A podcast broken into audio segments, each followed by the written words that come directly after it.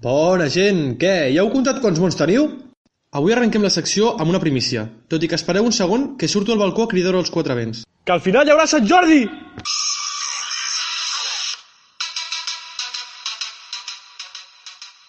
Després de dies i dies de llàgrimes com punys, finalment el proper 23 de juliol podrem celebrar la Diada de Sant Jordi, tal i com han acordat la Cambra del Llibre i el Gremi de Floristes. Avui estem de celebració. Avui vinc molt content. Vinc molt content perquè un amic del programa ha rebut l'alta després de superar el coronavirus. Des d'aquí enviem una forta abraçada a Fernando Simón. Muchas gracias. A ti, hombre, Fernando. Gràcies a ti. Tot i que també us haig de confessar que la veueta aquesta d'estranyit no se l'acaba de treure de sobre, eh? I no abandonem el món de la política perquè tenim premi al trapella de la jornada. L'expresident Mariano Rajoy ha estat enxampat passant-se el confinament per l'arc de triomf fent ni més ni menys que footing. Perquè, senyores i senyors, el confinament no és per tothom. No ho és. Hi ha unes poques persones, uns pocs afortunats, que poden triar lliurement si fer-lo o no. Com pensa respondre dels seus actes, senyor Rajoy? I aquest cap de setmana ha tingut lloc la Pagada Cultural, una iniciativa d'artistes d'arreu del país a mode de protesta per la manca de suport que la comunitat està rebent per part de les institucions. Hi ha gent que això podria aplicar-s'ho a la seva vida quotidiana. Per exemple, els del bloc de davant. Jo cada vespre penso que això és Apolo. No? Penso que cada vespre em venen a visitar Bad Bunny i la Batial. Que res en contra, eh? El que passa que, clar, en dies que has estat tancat a casa, que comença el tercer trimestre, doncs, home, se le sube a uno la bilirrubina i potser no toca. Que, per cert, parlant de motivacions, s'us estaran molt de les mans el tema dels challenge. Que l'altre dia vaig veure un vídeo de la gent ballant a les terrasses, fent coreografies d'aquestes que va anunciar-ho al propi Ajuntament. Que això de vèncer el virus units no vol dir que tothom perdi la dignitat alhora. I què li passa al temps? Potser estem dos dies amb una solana espectacular i després hi ha una pluja criminal. Realment la situació, a veure si canvia. Home, és que no és normal. Es queda un més loco que un daltònic escoltant l'últim disc del J Balvin. I us deixo que ja ha arribat la vuelta al col·le. De veritat, acaba d'arribar la tercera avaluació i l'únic que tinc ganes de dir-li és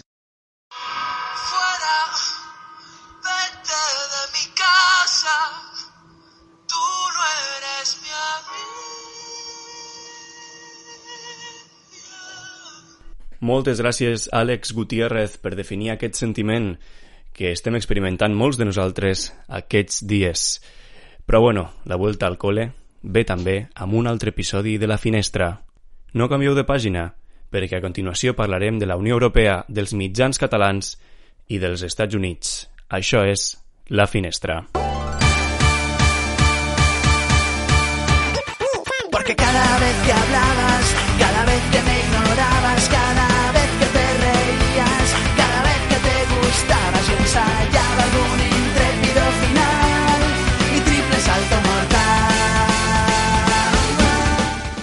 I ara anem amb l'Imanol Olite, que ens ha preparat una secció per analitzar el que està passant a Europa, que no són poques coses.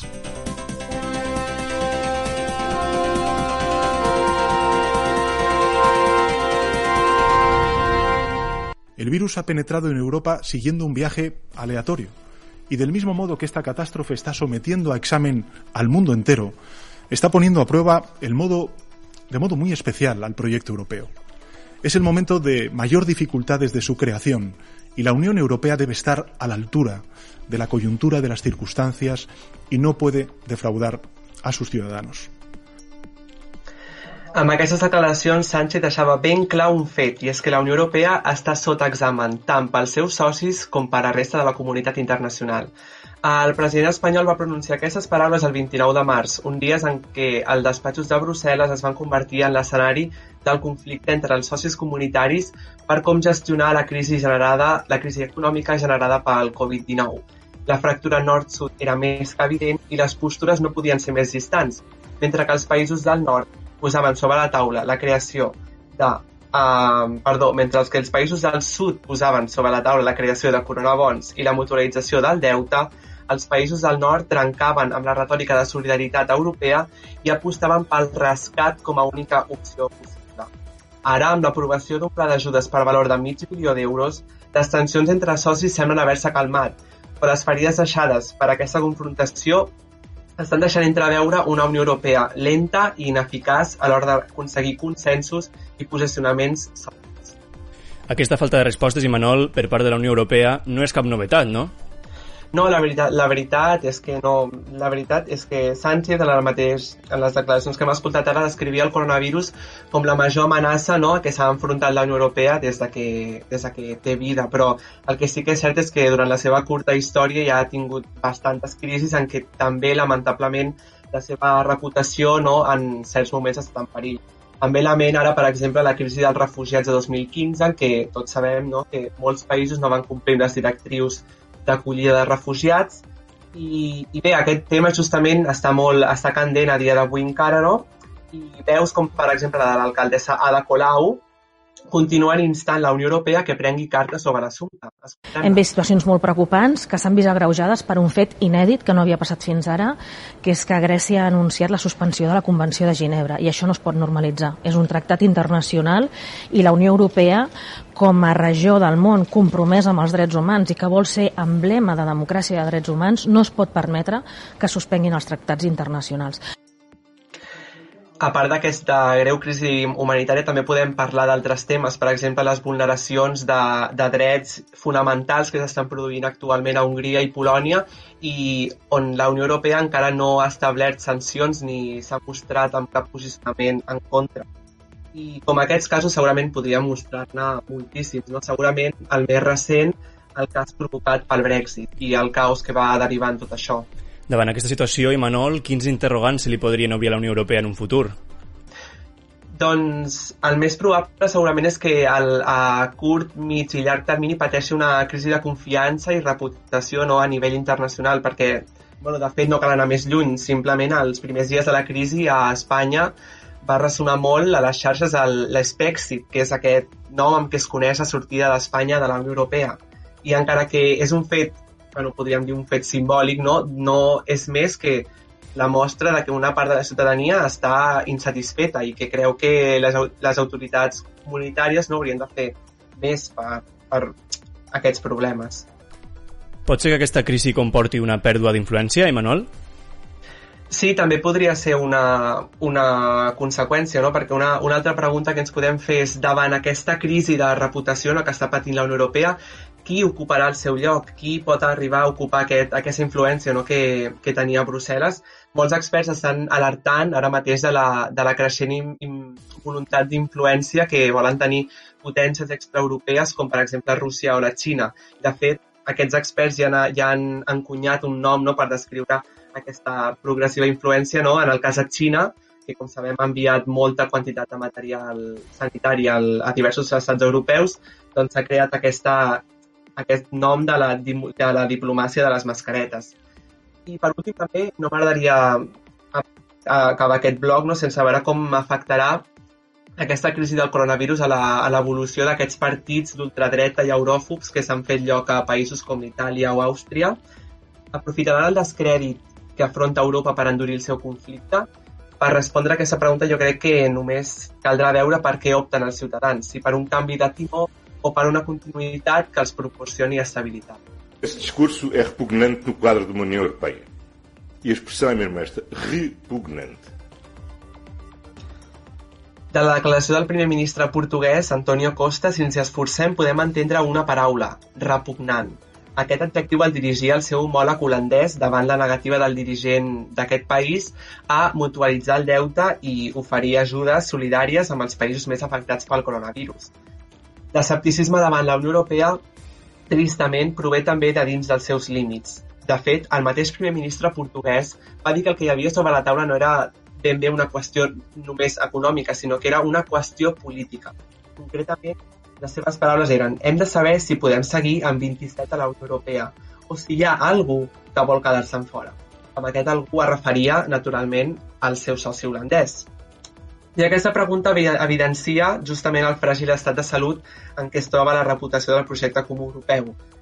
Mm, jo crec que no hem d'oblidar que la Unió Europea és un projecte que des dels seus inicis ha portat molta estabilitat i molta prosperitat i creixement a tots els seus estats membres i avui, lamentablement, són moltes les veus que volen desprestigiar no, tots aquests mèrits. Davant això, quina ha de ser la reacció de Brussel·les? jo crec que només el temps ho dirà, però l'important és que, com hem dit, n'hi hagi una, sigui contundent i regeneri la confiança d'aquesta institució davant tots els seus ciutadans. Moltes gràcies, Immanuel, per aquest anàlisi i t'esperem la setmana vinent també. Espero que aquesta secció es converteixi en una tradició ja i totes les setmanes ens puguis apropar Perfecte. la última hora sobre el que passa a Europa per entendre també el que passa als nostres països. Moltes gràcies. Sí, molt. Moltes gràcies.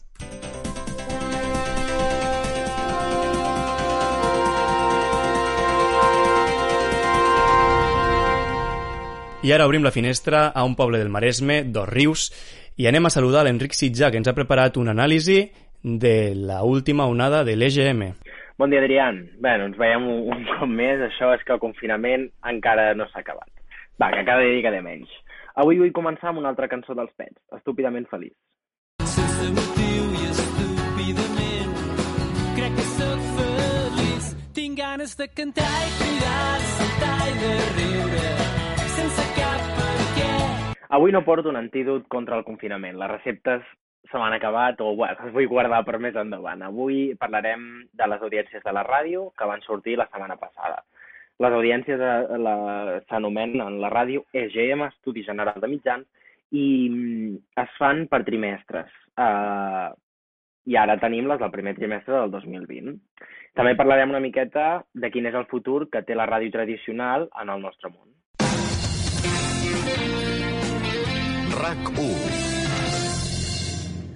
Doncs sí, RAC1, l'emissora privada del grup Godó, ha registrat la seva tercera millor dada, que també és la tercera millor dada de la, història de la ràdio en català. 902.000 oients diaris aquest primer trimestre del 2020. La gran majoria dels seus programes són líders d'audiència. El món RAC1, al matí, assoleix el mig milió d'oients. La competència al migdia supera de llarg els 230.000. El versió RAC1, a la tarda, repeteix els números del programa dels Oscars. I ja fa 10 anys que els cosins germans de La Vanguardia retenen el primer lloc.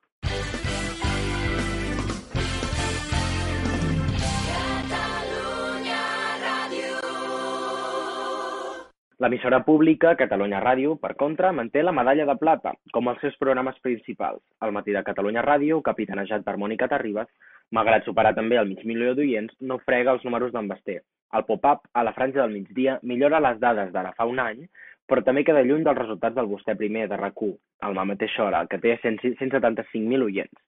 El programa de Roger de Gràcia, l'Estat de Gràcia, recupera punts respecte a l'abril del 2019, però queda darrere el mític versió RAC1, ara de celebració per la tornada de Toni Clapés. Són les eh, 3 de la tarda, 7 minuts, i ens hem eh, proposat cada dia a aquesta hora fer un cafè. Mm, certament durant tots aquests mesos eh, el cafè o l'he fet en família o l'he fet sol a aquesta hora, i a partir d'ara eh, el farem, eh, en fi, com m'agradava fer-los a RAC1, concretament a la màquina del cafè. Quin gran, en Clapés. Però bé, ja ens podem agafar bé aquestes dades perquè no en tornarem a tenir fins a finals d'any. L'empresa que fa els estudis EGM els ha suspès perquè es basen en enquestes presencials, que són impossibles durant el confinament. De moment, però, el cul que serà que s'haurà al tron de ferro de la ràdio catalana és el de RAC1. Fet i fet, podríem dir que a Catalunya... Tots som u. I també ens podem plantejar quin és el futur de la ràdio en un entorn digital, sobretot de la ràdio FM. Sembla que s'adapta millor que la televisió, és més flexible, però tot canvi, pot canviar en un tres i no res. Com a futurs periodistes, podem o hem de plantejar-nos durant el confinament eh, quin és el comportament de la ràdio en un món clausurat com el que tenim.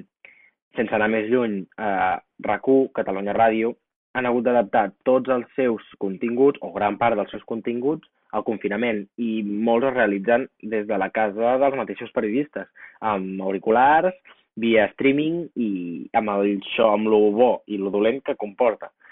També la televisió ho ha hagut de fer el mateix, i potser la televisió es nota més la diferència. TV3 fins i tot ha, ha engegat una ficció que es diu Jo també em quedo a casa, que s'emet al migdia, i explica les històries de parelles i amics que estan confinats des de, o sigui, amb, una natural, amb una naturalitat pròpia de la gent que re, realment està confinada. En fi, bona setmana, bones reflexions i fins dimecres que ve. Sigueu estúpidament feliços i felices.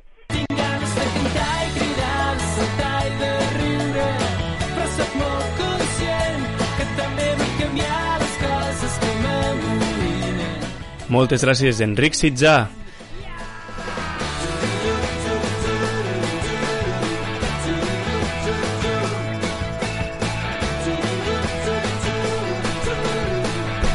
I ara obrim la finestra a l'Ada Font, que ens explicarà una mica el que està passant als Estats Units amb la carrera per les presidencials. Ada. Hola, moltes gràcies per la invitació novament. I bueno, aquesta setmana no parlarem del Covid-19, sinó parlarem de Bernie Sanders i la notícia que recentment ens ha arribat, que és que deixa la carrera presidencial pel, als Estats Units. I és que després de més de 40 anys de política activa i després d'unes segones primàries cap a la carrera presidencial es retira. I segurament també ho farà de qualsevol activitat pública, degut a la seva edat, és a dir, té 78 anys. Però també hem de tenir en compte que potser això no és així, ja que la política nord-americana està protagonitzada per homes grans, és a dir, la mitjana del Senat és de 62 anys i a més a més hi ha enviats de gènere, ja que el 23% de les dones al Senat eh, doncs generen aquest percentatge. D'altra banda, deixem de tenir en compte tot això, hem de tenir en compte que hi ha l'únic candidat demòcrata que queda, que per tant guanyar les, les primàries, és Joe Biden. Però avui no parlarem de Joe Biden, parlarem de Bernie Sanders i per què no ha aconseguit triomfar en la seva carrera per segon cop. I el primer punt que hem de tenir en compte és que és un candidat independent, és a dir, no és un candidat fidel a un partit. I és que no és afiliat als demòcrates, sinó al Partit Progressista de Vermont, la seva ciutat natal. D'altra banda, no tenim en compte que la primera vegada que va guanyar una carrera política va ser com a alcalde de Burlington i ho va fer contra els demòcrates, ja que si alguna vegada s'ha presentat com els demòcrates, com normalment ha fet, ha sigut com plataforma per llançar el seu ideari i després presentar-se de forma independent, ja que realment no té una fidelitat molt gran cap a un partit, cosa que els nord-americans no veuen amb bons ulls. D'altra banda, hem de tenir en compte que no ha guanyat perquè és un socialista dels Estats Units. Bé, amb això que acabo de dir, molts heu flipat i és que realment no ho és, però els nord-americans que l'utilitzen com a tal. I és que el, el seu sistema liberal i capitalista defineix a un socialista per contraposició amb el que ells són. I és que els nord-americans tenen una interpretació de democràcia de tipus liberal en lloc de populista. Això vol dir que tenen un concepte de llibertat nativa, és a dir, la seva màxima de l'Estat és la interferència en la vida privada.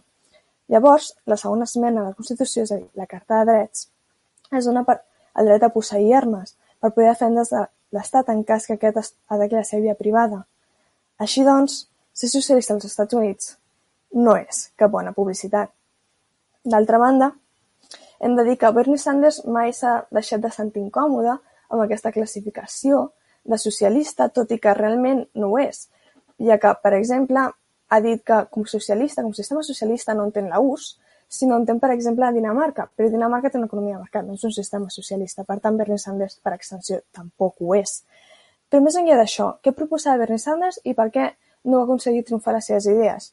I és que proposava augmentar el pressupost públic per finançar més serveis públics mitjançant una pujada d'impostos, és a dir, per exemple, proposava augmentar eh, la sanitat de tipus universal, la sanitat de tipus pública, i ho faria així, doncs, mostrant-nos un sistema de relació entre l'Estat i els serveis públics amb els ciutadans de tipus més europeu. Així doncs, el punt més polèmic pel qual implementaria aquesta proposta és que ho faria mitjançant la teoria econòmica moderna, la qual afirma que si s'augmenta el deute públic no haurà inflació mentre hi hagi atur, cosa que alguns economistes no amb bons ulls, menys l'economista Bernie Sanders, òbviament, que és una dona. Així doncs, tenint en compte que Bernie Sanders deixa la carrera presidencial, els demòcrates tenim l'exvicepresident d'Obama, Joe Biden, i el ja president Donald Trump. Bé, realment, en la política nord-americana i més en les presidencials, tot pot passar, tot pot sorgir. Però hem de dir que hi ha diverses coses que apunten cap a Donald Trump, ja que ha augmentat la seva popularitat i confiança durant el seu mandat. D'altra banda, hem de dir, en honor a la veritat, que això no és gens difícil, ja que pel sol fet de ser president és un motiu de respecte cap als nord-americans. La feina del president dels Estats Units és una de les més venerades en el país. D'altra banda, el 78% dels nord-americans pensen que l'economia va bé, és a dir, és un fet que pot beneficiar enormement Donald Trump a aquesta nova reelecció d'aquest any 2020. Però també hem de en compte l'escenari de pandèmia mundial del Covid-19. Mig milió de persones infectades als Estats Units 14.000 morts i més de 100 milions d'aturats. Això pot perjudicar molt el president fent-lo que no el tornin a llegir en aquestes presidencials. Tots els escenaris són possibles. Moltes gràcies. Moltes gràcies a la Font i et trucarem la setmana que ve, si vols, perquè ens continues Perfecte. actualitzant aquesta informació internacional. I no m'agradaria acabar el programa d'avui sense recomanar-vos un altre podcast. És No te creas ni una palabra, de Alejandro Suárez i Gabriela Pedranti.